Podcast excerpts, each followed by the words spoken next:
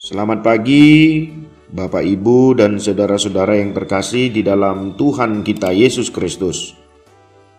Renungan bagi kita di hari ini tertulis di dalam surat 1 Yohanes pasal yang pertama ayat yang kedua.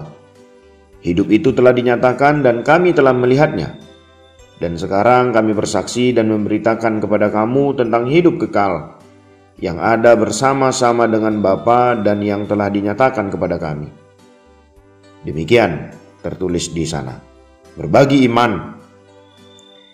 Waktu Yohanes menuliskan surat ini adalah saat pembacanya sedang mengalami serangan dari para guru-guru palsu yang mengacaukan iman orang percaya dalam kebenaran firman Kristus.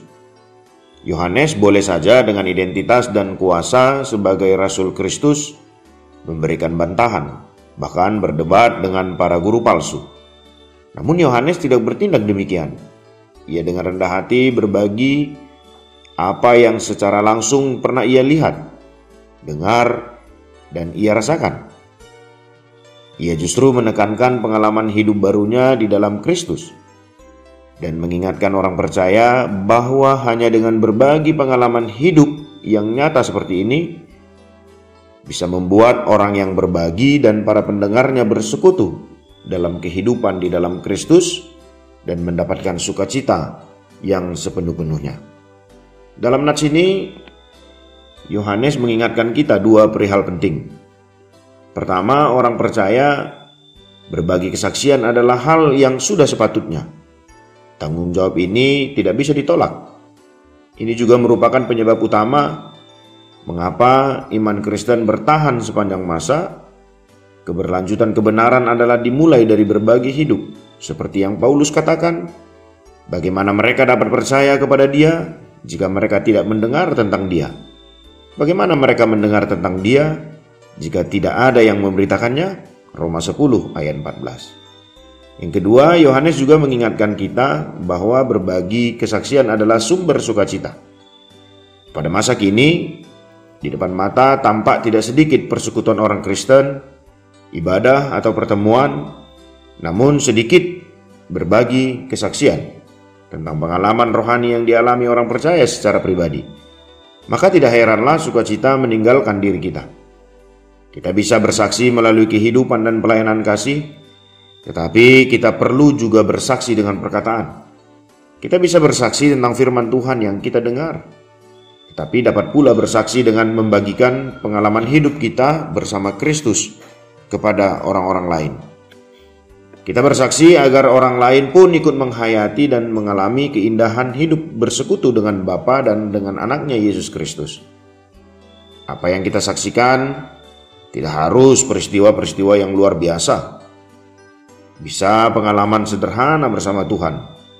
Bila disaksikan dengan setia, bisa juga menjadi berkat bagi orang-orang lain.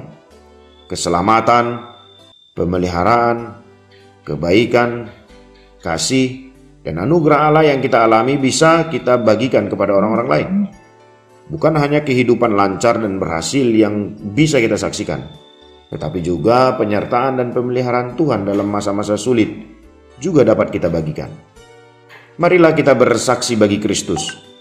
Sungguh indah membagikan firman Tuhan dan pengalaman hidup di dalam Kristus kepada orang-orang lain. Biarlah orang-orang lain pun dapat menghayati dan mengalaminya. Kita bersaksi agar orang-orang lain dapat bersama-sama kita beroleh persekutuan dengan Bapa dan dengan anaknya Yesus Kristus.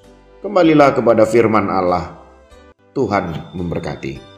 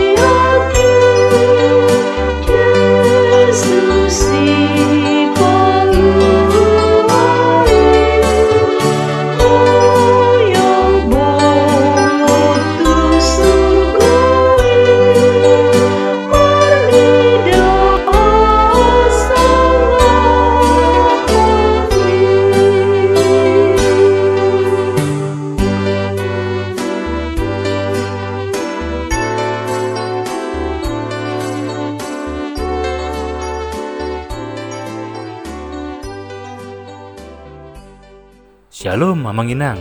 Terima kasih sudah mengawali hari dengan mendengarkan renungan hari ini.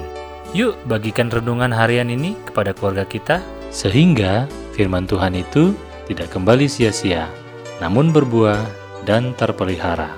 Tuhan Yesus memberkati.